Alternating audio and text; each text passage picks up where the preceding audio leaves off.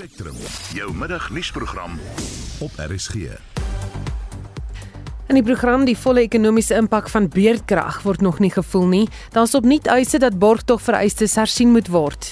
Die primêre oorweging vir die toestaan van borg is om die verdagte se teenwoordigheid by die hof te verseker. En 'n skoolseun kry nuwe skoene. As alles nou mooi uitwerk, kan ons omtrent amper ek wil sê 2 en 'n halwe skoene koop. Die redaksiespan is Justin Kennerly en Mark Preller. My naam is Susan Paxton. Presies 7 minute oor 12 jy luister na Spectrum. Fase 4 beerkrag word weer sedert vroeg vanoggend toegepas. Suid-Afrikaners gaan reeds die afgelope 6 weke gebuk onder voorslepende beerkrag wat daagliks toegepas word. In September is beerkrag vir 25 uit die 30 dae toegepas en ons wil by die ekonom Chris Harmse van CH Economics weet wat is die impak hiervan op die land se ekonomie. Goeiemiddag Chris.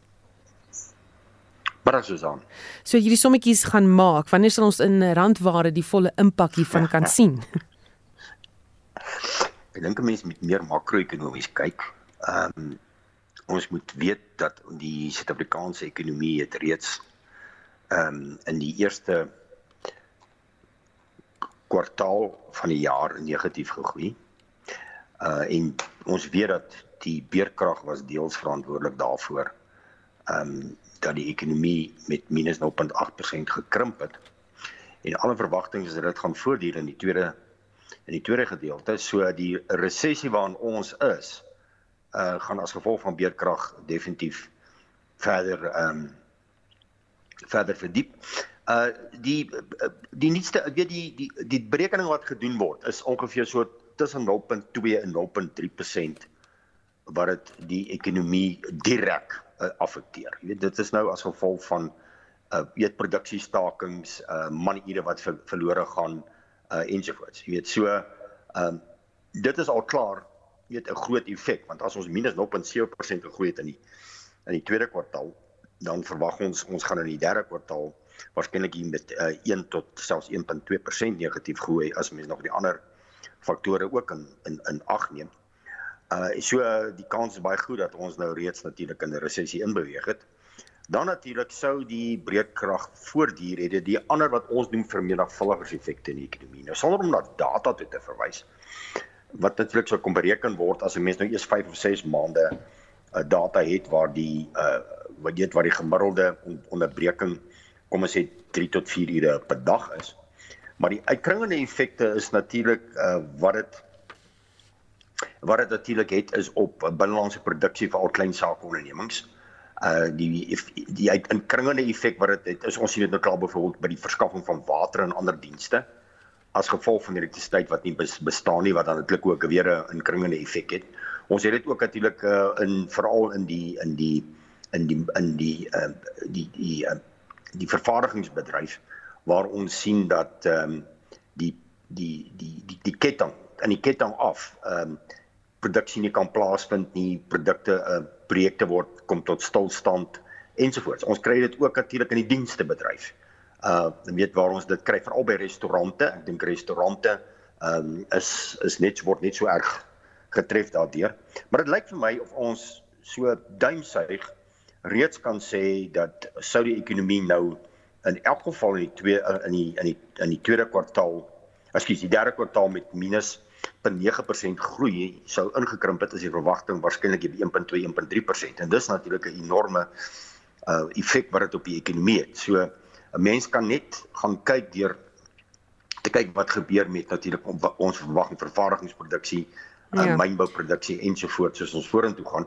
En dan natuurlik ook die effek wat ons het ehm um, natuurlik aan die misdaad toneel. Aan die misdaadkant is daar ook reeds aanduiding dat misdaad neem toe wanneer daar weet nie krag is nie.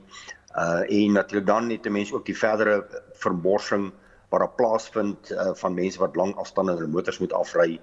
Uh weet brandstof wat vermors word uh en ensovoorts. So daar is 'n 'n groot effek wat dit kan wees. Ek glo ons sal in die volgende maand of 2 deur gebruik te maak van die sogenaamde inset-uitset tabelle begin navorsing doen oor watter van die sektore jy weet word die meeste geraak.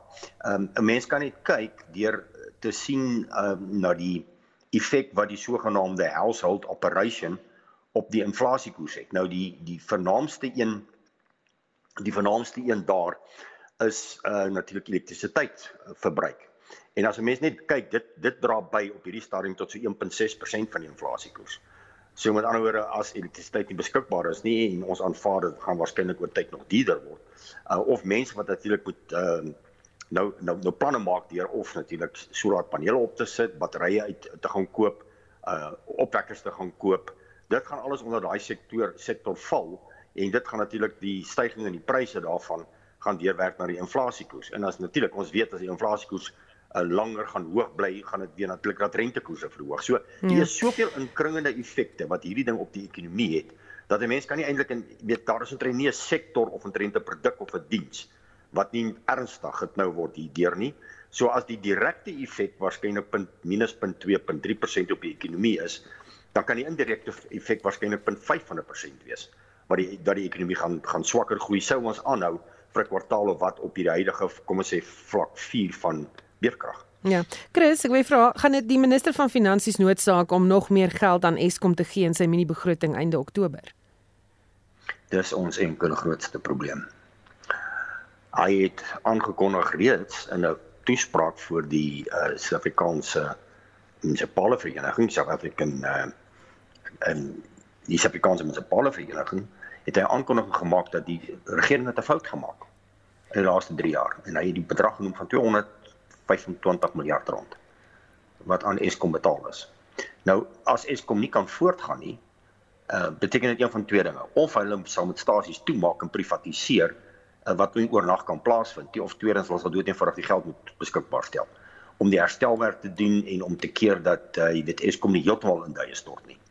So uh, ons het verlede verlede jaar uh, het ons hierso so by um, 42 miljard rand uh, gegee vir Eskom. Uh, Moenie verbaas wees as die minister nou in sy tussentydse begroting gaan 'n aanduiding gee dat Eskom nog 'n verdere bedrag sal moet ontvang en wat ons natuurlik eers duidelik sekerheid gaan kry in die in die in die Februarie begroting maar om meer as 200 miljoen in 'n kwessie van 3 tot 4 jaar aan een staatsonderneming te gee is natuurlik 'n geweldige hoeveelheid geld en weer eens die ehm um, staat daai staatsonderneming natuurlik funksioneer nie op die oomblik nie. Hmm. Baie dankie ons het gepraat met die ekonom van CH Economics Chris Harmse. Die vermeende moordenaar en verkragter van die 4-jarige Bokgabo Poo het gister in die Landdroshof in Benoni verskyn op aanklagte van onder meer ontvoering, verkrachting en moord. Die verdagte, Nkosi Zikali, was op borgtog vir ander beweerde verkrachting. Nou as Suid-Afrikaners dat borgtog geskraap moet word vir sekere misdade en ons praat nou hieroor met die strafregkenner advokaat Fransja Botha. Goeiemôre Fransja. Goeiemiddag, dis Fransjo Botes. Skus Botes. Mm -mm. Hoorie so sê vir my Fransjo, watter omstandighede word oorweeg wanneer borgtog toegestaan word?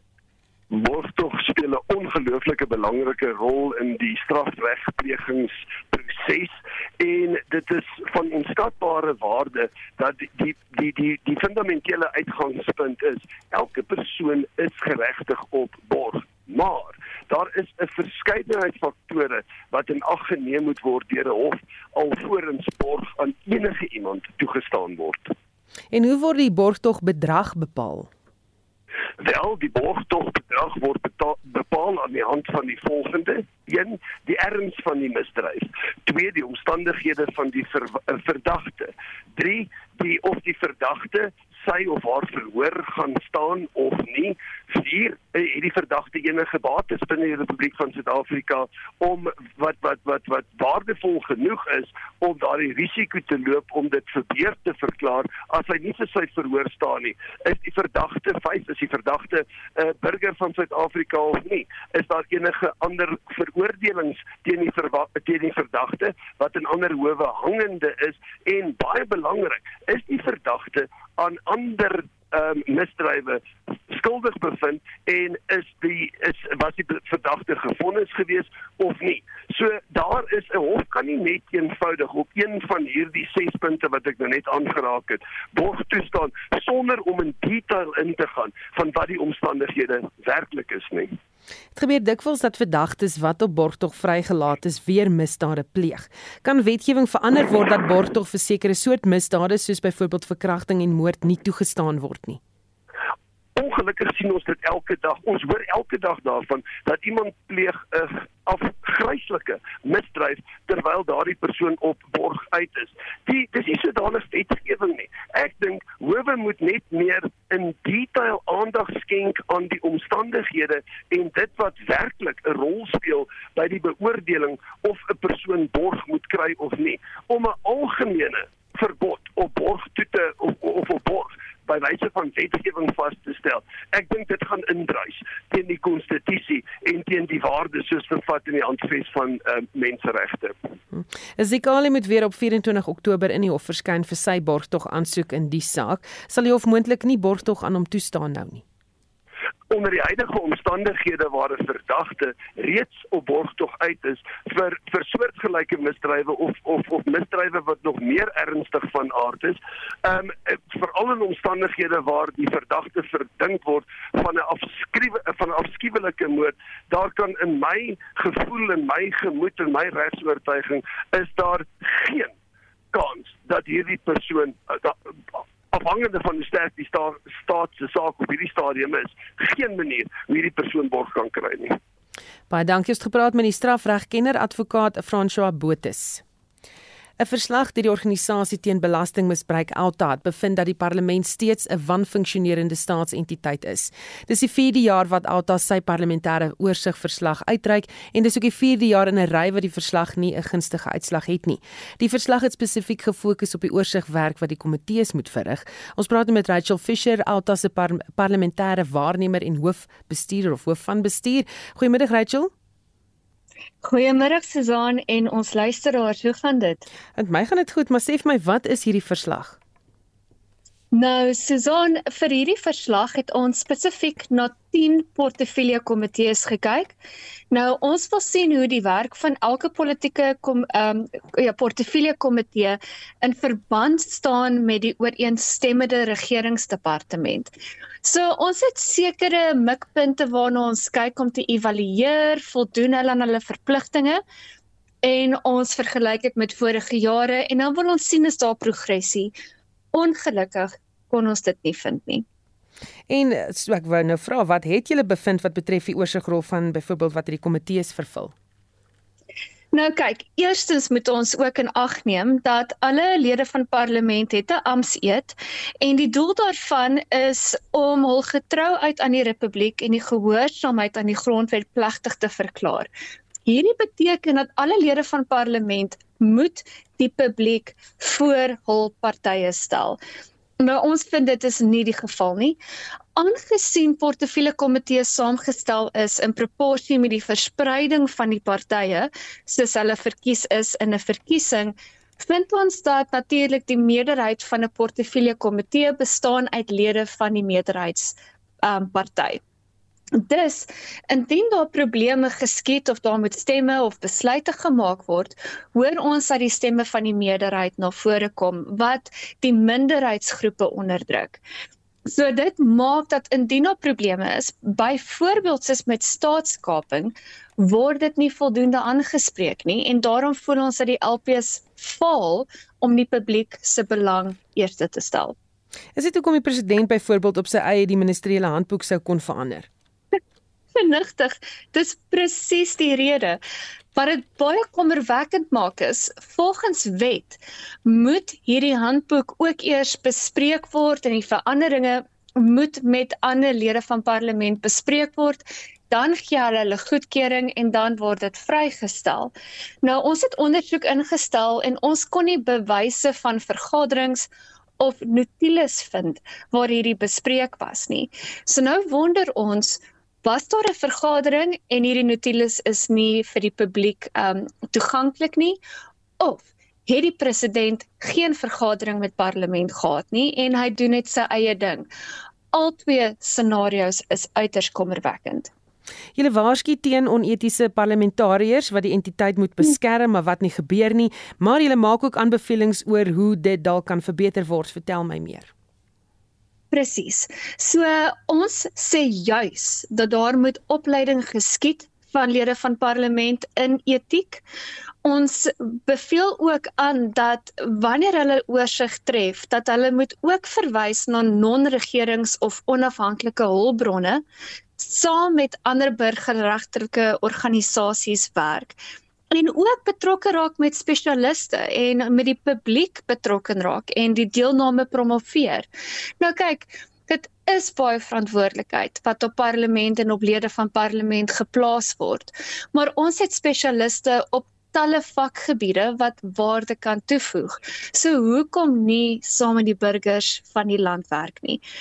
Ons voel ook baie sterk daarvan dat die lede van opposisiepartye as portefeulje komitee voorsitters moet dien want hierdie sal die wanbalans van magte teenoor minderheid en meerderheidsverteenwoordiging hopelik bietjie meer uitbalanseer.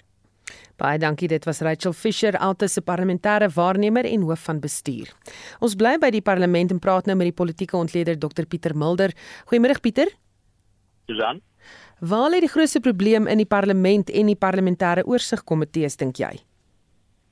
Kom ek sê twee breë argumente. Die een is interessant, eh, sy het verwys na die kwessie van ons die die skeiding van magte. Met ander woorde, die regterlike gesag, die howe is apart aan die uitvoerende gesag, dis nou die ministers wat die beleid moet uitvoer, die staatsdiens en dan die wetgewende gesag, dis die parlement. En in Amerika is hulle baie duidelik geskei, so daar's geen minister in Amerika wat in die parlement of hulle kongres dien nie, hulle heel apart sal hulle laat hom kom hulle kwaroskam om stuur hom weer weg. Ons het die Britse stelsel gehad in die verlede en weer se oorgeerf. Bedoelende al die ministers is ook lede van die parlement. So hy is deel van die wetgewende deel, maar hy is ook deel van die uitvoerende gesag. En dit bevoeter die ding klaar tot 'n groot mate, want nou uh, is dit 'n kollega wat lank so sit eintlik en is almal ANC die aard van die saak. Dis so erg as die kabinet sit en almal is weg. Dis 30 ministers, omtrent nog 30 adjunk sukkel om 'n quorum te kry omdat hulle met iets anders besig is. Die tweede deel is hy verwys na die president self. Die parlement kon nog nooit slaag om vir die president 'n portefeulje komitee te kyk wat op hom moet oorsig hou nie. Daar is 'n oorsigkomitee vir elke minister wat moet kyk na hom maar nie die president nie. Dis waarskynlik by die handboek en die goed kan deurglip en die aardse saak wil die ANC dit nog nie instel nie. Plus die derde punt wat sy gesê het uit die aardse die ANC meerderheid op elke komitee en dit maak dit ook moeilik ja. Hoe moet die probleem aangespreek word? Wel tegnies is daar is pogings ek weet daar's jy's daar's hele ondersoek gewees na oorsig en om meer oorsig te kan gee met sekere aanbevelings daarmee saam. Daar's af en toe so 'n bietjie 'n poging. Sy verwys daarna dat die voorsitter bevoel ideaal van ander partye moet kom. Nou in 94 met die wegtrekslag van die Witbrood was daar 'n paar komitees wat aan ander verdediging bevoel is van dit aangebied aan ander partye. Op die oomblik is dit net die een Skoupa waar meneer Vrenkbaar van die IFP die voorsteur is en dis 'n tradisie wat gelukkig nog gehou word dat skoppe waar die openbare rekeninge moet na kyk aan oppositiepartye te gee word, maar al die ander is nie daaraan gegee nie. Ek weet die komitee daai verslag bevoel van hulle sê ook hoe is dit moontlik dat onbekwame ministers en hulle verwys na uh, Jonas Petersen en Zwane voorsters van komitees kan wees wat nou gebeur het. Ons afgedank deur Ramaphosa hulle teruggekom en dis deel van die ANC se faksiegevegte. Met ander woorde, Ramaphosa het hulle afgedank in die kabinet maar Ys Magashule sekretaris-generaal die Kokes van toespreker sê hierdie ouens moet beloon word en hulle is nou voorsters van komitees so het nog met die ANC se interne gevegte ook te doen wat dit moeilik maak om die ding reg te kry ja. So dink jy daar moet byvoorbeeld strenger opgetree word teen parlementslede wat nie eties optree nie. Ja, want daar's altyd daar's ouens wat baie hard werk. Ek kan getuig daarvan sommige wat baie hard werk, en sommige wat niks doen nie. Daar's sommige wat komitees bywoon en nie.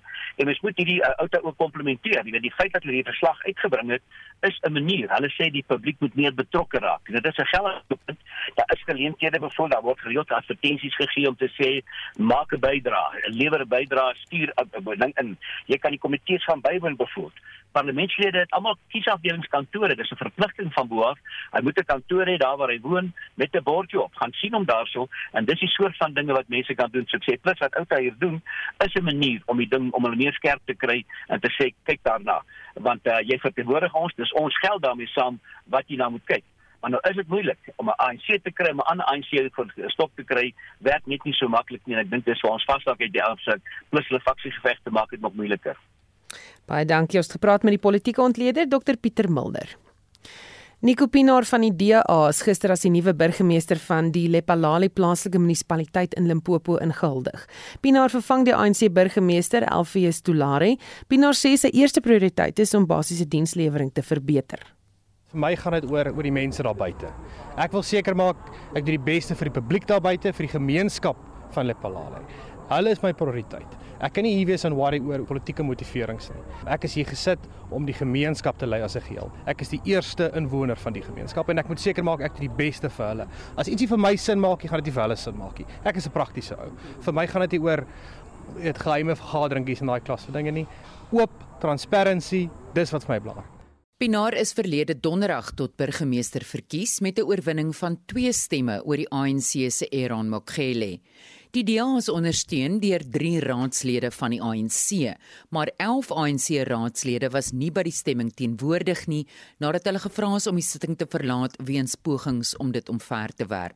ANC raadslede is verdeel oor die provinsiale uitvoerende komitee se besluit om Tulare as burgemeester uit die kussings te lig en hom met Mokgele te vervang. Hier is die DA se politieke hoof van die provinsie, Beyer Smit. Wel die ANC skep groot geleenthede vir ons soos John Steenhuisen sê ja moenie 'n goeie bakleierery inmeng nie. So ons gaan nie ons gaan nie betrokke raak by hulle interne bakleierery nie. Ons fokus op 2024 en ek dink ons gaan baie geskok wees as die resultate uitkom in 2024. Die ANC woordvoerder in Limpopo, Jimmy Machaka, sê die party sal dissiplinêre stappe instel teen die ANC raadslede wat die DA ondersteun het. We have already requested a report from both the Speaker and the Chief Whip. Only assurance that you should have is that any person that is found in the wrong side of the ANC directive is going to face the full might of the ANC internal process. You'll understand that councillors in municipalities are serving at the behest of the party, and the party will time to time give directives on what should happen on certain decisions. Inwoners van Lepalali sê hulle hoop op beter dienslewering met Pinaar as burgemeester. As a resident, with the results of the councils that was taken in the, in the, we feel that maybe the service delivery can go to the people because the DA person should not consider the issue of saying Banaba Mu. And for you to get employment, you need to be a certain member of the a member of certain organization, which might be the ANC. When we were busy with ANC on the past years, we didn't see anything happen. If you can see now in the town, there's a sewage that's running all over the place. So I think now is the time for Nico to solve this matter to the community. Die DA is nou in beheer van 3 van die 5 munisipaliteite in die Waterberg distrik, insluitend die Tabazimbi en die Modimolle Mokgopong munisipaliteite. Die verslag is saamgestel deur Mathlatsi Paladi en ek is Estie de Klerk vir SAK nuus. Sien 'n luisteraar het laat weet daar was 'n baie groot botsing op die R312 in Wellington, Durbanville pad. Twee vragmotors het mekaar vasgery. Dis tussen Eensaamheid en Otterkel. Die persoon sê die pad is gesluit. Baie dankie vir die laat weet. En dan gesels ons natuurlik ook oor water en waterbesparing en wat se tipe water jy kan gebruik. En hier's 'n interessante ene. Is dit nie Lady Gaga wat gesing het sy borsel haar tande met Jack Daniels nie? Lyk like my dit is Suid-Afrika se voorland. Ehm um, dis nou ja, as as Saps vra of jy gedrink en dan sê jy net nee, ek het tande geborsel. Luisteraar met 'n plan daar. Nou die kwessie van watertekorte is een wat al meer prominent word. Dit gaan ook meebring dat al meer mense alternatiewe waterbronne gaan soek sodat hulle onafhanklik kan wees van die regering se verskaffing. Maar die vervaardigers van Jaja Watertanks waarsku dat verbruikers versigtig moet wees om sommer enige water as veilig te beskou vir menslike gebruik. Ons praat nou met Sebasti Badenhorst, die uitvoerende hoof vir verkope, bemarking en distribusie van Jaja's. Goeiemôre Sebasti. Goeiemôre Suzan. Julle is bekommerd oor waterkwaliteit en die feit dat meeste Afrikaners ander bronne van water gaan probeer kry soos wat ons waterprobleme groter word. Vertel my daarvan. So ek is seker daarvan dat baie mense alreeds water uit hulle swembad instap, boorgate gebruik of reënwater uit hulle Jojo tanks weens die huidige watertekort. Maar onthou asseblief dat die water nie noodwendig skoon genoeg is om te drink nie. Die realiteit is dat ons omgewing is baie besoedeld So wat gebeur is dat ons drinkwater uit ons besoedelde riviere wat E. coli bevat, uh, hulle sit weer op jou dak en die vuilnis kom in jou Jojo tank en dit kan jou reënwater in jou Jojo tank besoedel. Boorgate in myngebiede mag dalk swaar metale bevat, selfs arsen vir al die Johannesburg. En boorgate in landbougebiede mag besoedel wees met chemikalieë wat gebruik word om landerye te besproei en gif op te spuit ensovoorts. So dit is belangrik om boorgatwater te toets en ook gereeld te toets voor jy besluit om water te, te drink. Goed, so in watter toestand oor die algemeen is ons water? Hoe goed is die kwaliteit? Ja, soos ek gesê het, ons omgewing is baie besoedel en dit besoedel ons waterbronne bronne insluitend ons grondwater. Die departement van water en sanitasie het die blou druppel verslag gepubliseer so rukkie terug wat in detail beskryf watter munisipaliteite is 'n risiko. Net 40% van ons munisipaliteite voldoen aan aanvaarbare mikrobiologiese standaarde en minder as 25% aan chemiese waterkwaliteitsstandaarde. En hoe meer besoedel die waterbronne, hoe moeiliker en duurder is dit om die water te suiwer. Hm. En hulle voel ook dat die water wanneer dit by die kraan uitkom veilig moet wees. Dit geld ook vir julle Jaja tanks, maar uh, moet mense nie steeds fokus oor hoekom die water in so 'n toestand is nie. Ja, dit is ongelukkig 'n komplekse sistemiese probleem wat nie maklik opgelos gaan word nie. Uh, vir die persone in die straat, wat kan jy self doen om te verseker dat die water wat jy gebruik uh, eerstens beskikbaar is en tweedens veilig is. Boorgate is 'n goeie oplossing, maar toets jou boorgat en nie net aanvaar dat dit veilig is om te drink nie. As jy enigstens twyfel, filter die water. Dit is hm. altyd beter. Vanaf jou vra jy weet wat se hele raad tans aan mense wat betref die gebruik van water en water uit die kraan uit. Ja, ek dink dat ek sê filter jou water, dan weet jy dit is ten minste uh veilig. En my ondervinding met mense wat kraanwater gebruik eh, net so uit die uit die kraan uit is dat hulle drink gewoonlik nie baie water nie. Hulle drink ander goed. So miskien soos Lady Gaga, weet bottel hulle dan met iets anders. Maar ehm um, as jy water drink uit jou kraan filter dit. Ek dink jy gaan vind dat die water baie lekkerder proe en gaan jy ook meer water drink. Daar sê baie dankie dit was Sebastian Badenhorst die uitvoerende hoof vir verkoop en bemarking en distribusie van JoJo's. En so van ons omgewing gepraat die jaarlikse Oppenheimer Navorsingskonferensie het weer die jaar plaasgevind. Dis die eerste keer in 2 jaar sedert die pandemie die wêreld toegemaak het. Die fokus die jaar was soos altyd op werkbare navorsing wat sal help met natuurbewaring, maar ook klem lê op die kwessie van klimaatsverandering. En met die 27ste konferensie van die partye wat volgende maand in Egipte plaasvind, sê Jonathan Oppenheimer, plaaslike sakeman aan, kan niemand meer klimaatsverandering ignoreer nie. I think anyone who doesn't focus on basically the dual factors of preserving our our ecosystem in its in it, its totality because it's a living organism and needs all of its different components and at the same time focusing on the well-being of people is not looking at the whole picture it's kind of you know what what's that famous parable? When somebody has an elephant by the trunk and another one has an elephant by the tail how do you describe the elephant? Uh, you need to be able to to see the whole elephant to describe it. And it's a combination of both ensuring that we create an environment that is fully cognizant of our ecological environment the biodiversity that exists within it and what we can do to live within the constraints that that living organism provides. Oppenheimer sê die grootste uitdaging gaan wees om seker te maak dat daar na die behoeftes van die mens omgesien word sodat daar na die omgewing ook omgesien kan word. I'm working very much with the well-being of people in mind and finding ways to increase people's well-being whether it's for for wealthy nations persuading them to be more aware of the enormous consumption of, of materials to create their well-being versus uh, in, in environments where people are really struggling to survive, finding ways to provide them with goods and services which make their lives easier. But you have to do that in a way that doesn't create a negative feedback loop back into the environment. It needs to be done in a way that is supportive of the environment. Oppenheimer sê mense moet besef dat Afrika die lot van die wêreld gaan bepaal wat betref klimaatsverandering. At its core, Africa, in a perverse and, and, and very bizarre way, holds the future of the world in the palm of its hand. And it's not Africa's leadership that holds that future in the palm of their hands, it's Africans. And the African population is going from what, 1.3 billion people today to north of 2 billion people by 2050. It's going from about 450, 500 million people in our urban environment today to 1.2, 1.3 billion people in our urban environments in 2050. And we have to find ways to make sure that those people feel that their well being, their lives are improving and not getting worse. If they get worse, those people will have no interest in trying to care for the ecological environment they exist in. And that will exacerbate and, and bring on worse environmental collapse, bringing on worse harm to the globe in its entirety. And so it really is for Africans, all of us, to speak out, not to rely on our leaders to find a consensus view and speak out. En dit was Jonathan Oppenheimer van Oppenheimer groep.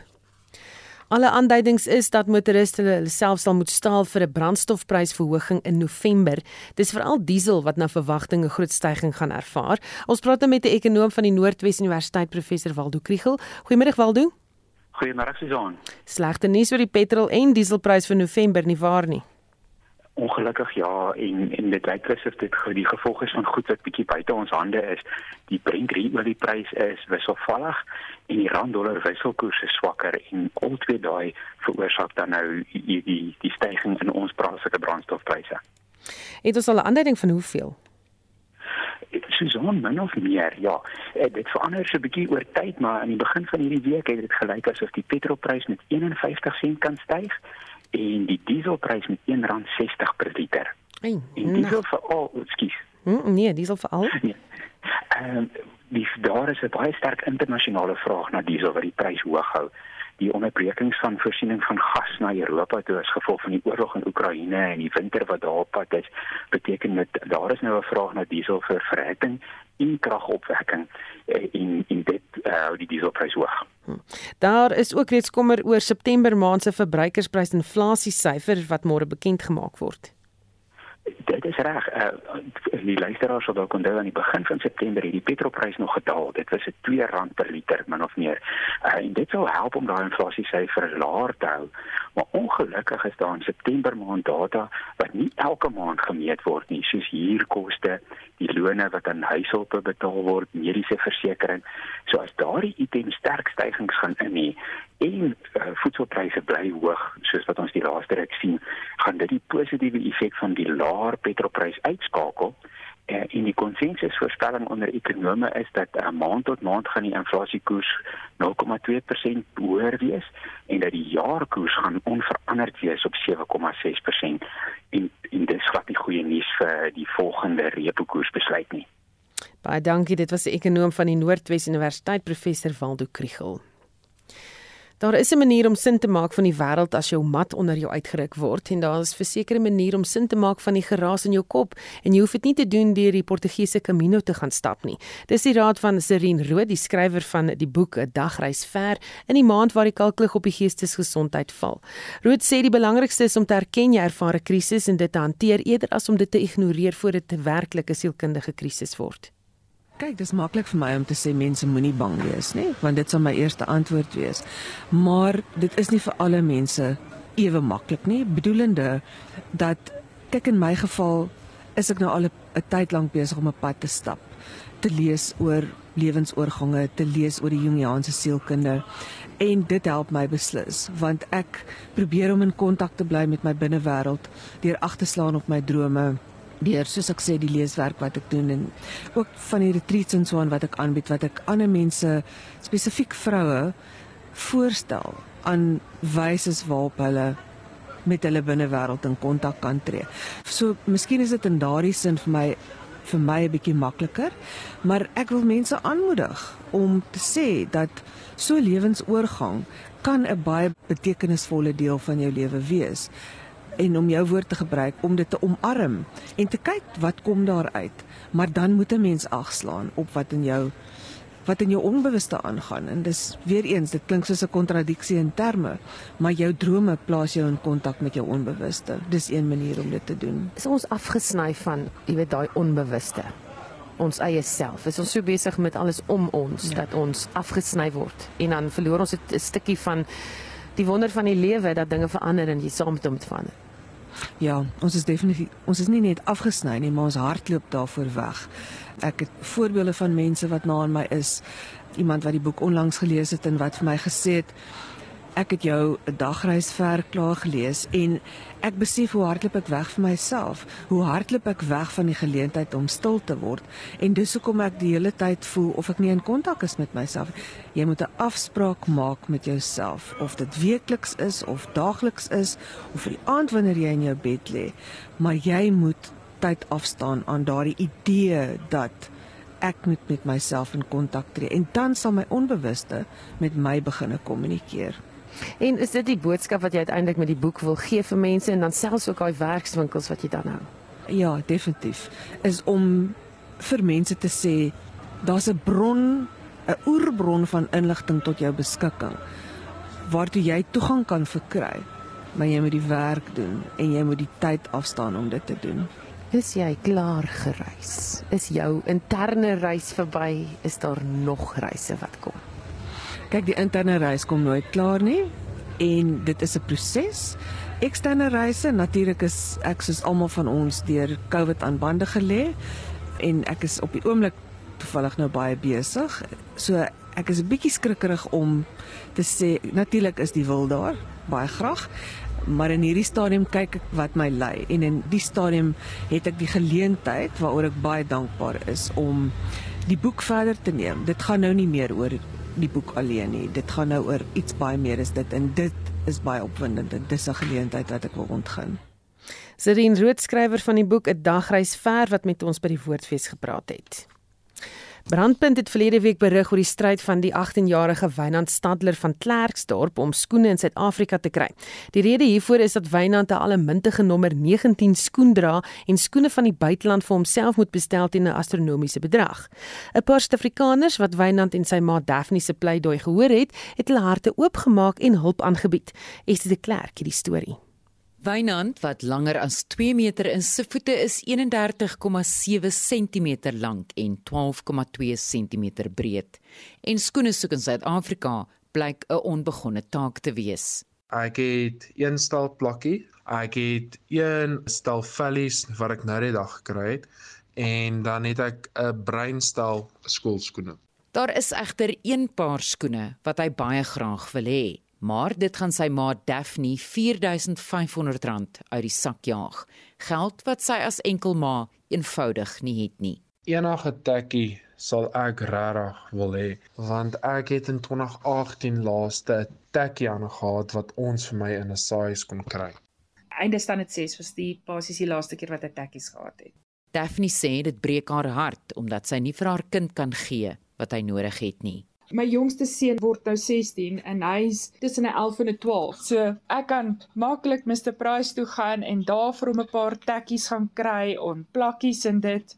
En dan moet ek omdraai en vir my oudste kyk want ek kan nie vir hom nou dit kry nie. Ek moet eers spaar en probeer spaar. Weet jy maar sê altyd jy sal enige iets doen vir jou kinders. En as iemand dit net in hulle hart kan kry om my net te help net vir my kind, een of twee skoene, wat ook al, Ek sal ewig dankbaar wees. 'n Paar Suid-Afrikaners het na afloop van die storie op Brandpunt hulle harte oopgemaak. Wow, ek is nog hoog in die wolke. Jogg, dit is unbelievable. Ons het sover 4 borge gekry wat ons kan help. As alles nou mooi uitwerk, kan ons omtrent amper ek wil sê 2 en 'n half skoene koop. Ons kan sover 2 paar skoene vir hom kry. Uit my hart uit kan ek nie genoeg dankie sê vir die mense wat hulle harte oopgemaak het vir ons nie. Dit is 'n wow. Ek is ongelooflik bly. Ek kan nie eers wag tot ek die skoene in my hande het nie. Daar was een tannie van 'n besigheid wat gesê het sy sal vir my stal plakkies kan maak. Dit is Wynand Stadler en ek is Estie de Klerk vir SAK nuus. Nou Estie het vir ons die belangrikste nuusverrigtinge van die dag opgesom Estie. Ja, Susan Brittanje se eerste minister Liz Truss het aan die BBC gesê sy wil die konservatiewe party na die volgende algemene verkiesing lei. Dit ten spyte van haar stryd om haar gesag onder partylede en die oppositie af te dwing. Groot kritiek is teen Truss uitgespreek oor haar belastingbesnoeiingsplan wat markte laat daal het. I'm sticking around because I was elected to deliver for this country, and that is what I am determined to do. I do want to accept responsibility and say sorry for the mistakes that have been made. I wanted to act, but to help people with their energy bills, uh, to deal with the issue of high taxes, but we went too far and too fast. I've acknowledged that. I've put in place a new Chancellor with a new strategy to restore economic stability. Die vermeende moordenaar en verkragter van die 4-jarige Bokgamo Poo het gister in die Landdroshof in Benoni verskyn op aanklagte van onder meer ontvoering, verkrachting en moord. Die verdagte, Ntokozo Sikali, was op borgtog vir 'n ander beweerde verkrachting toe hy die misdade gepleeg het, na bewering, en moet weer op 24 Oktober in die saak in die hof verskyn vir sy borgtog aansoek. Die strafregkenner advokaat François Botha verduidelik wat die hof in ag neem wanneer borgtog bepaal word. Die primêre oorweging vir die toestaan van borg is om die verdagte se teenwoordigheid by die hof te verseker.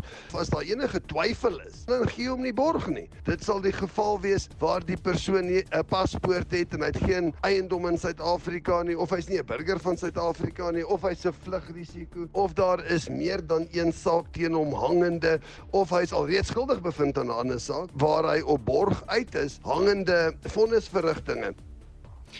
Die minister van Water en Sanitasie, Senzo Mchunu, het onderneem om meer water na Randwater te allokeer om tekorte in groot metro's te vermy.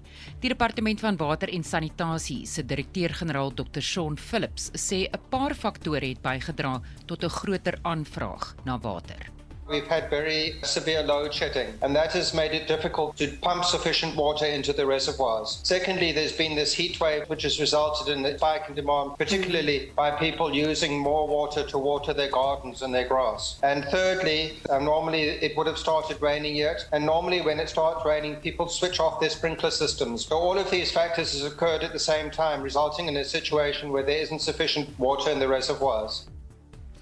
Soos wat ons weet word fase 4 beurtkrag weer sedert vanoggend toegepas en Suid-Afrikaners gaan reeds die afgelope meer as 6 weke gebuk onder voortsleepende beurtkrag. Die Suid-Afrikaanse ekonomie ly veral hieronder. Intussen sê die minister van basiese onderwys, Angie Motshekga, dat leerders wat vir die jaar eindeksamen voorberei, nie beurtkrag as verskoning moet gebruik om nie te leer nie. You work around it. The way business works around it, learners are not an exception. So everybody coped. So they wake up, there's no light, so which means they will study later when there's the sun rises. But what I'm saying, I don't want to stress kids and say, here it's a big problem, stress out. We'll have to work around it. Nou ja, dit was Estie wat die nuus en ontwikkelende stories vir ons dopgehou het.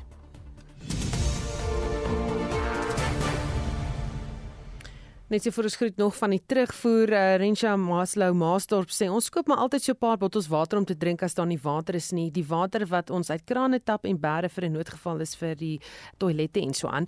En dan sê Petronella van Heerden Botma op die oomblik geen probleme in die Wes-Kaap nie, maar ons lewe lewe spaarsamig met water of spaarsaam met water.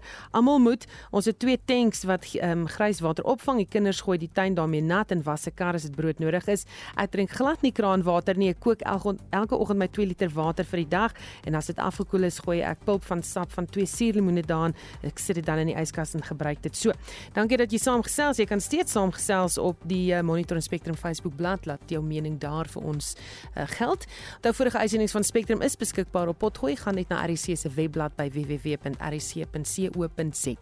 Ons het namens ons waarnemende uitvoerende regisseur Wessel Pretorius, die redakteur Justin Kennerly en produksieregisseur Mark Praller. My naam is Susan Paxton. Bly ingeskakel vir 360.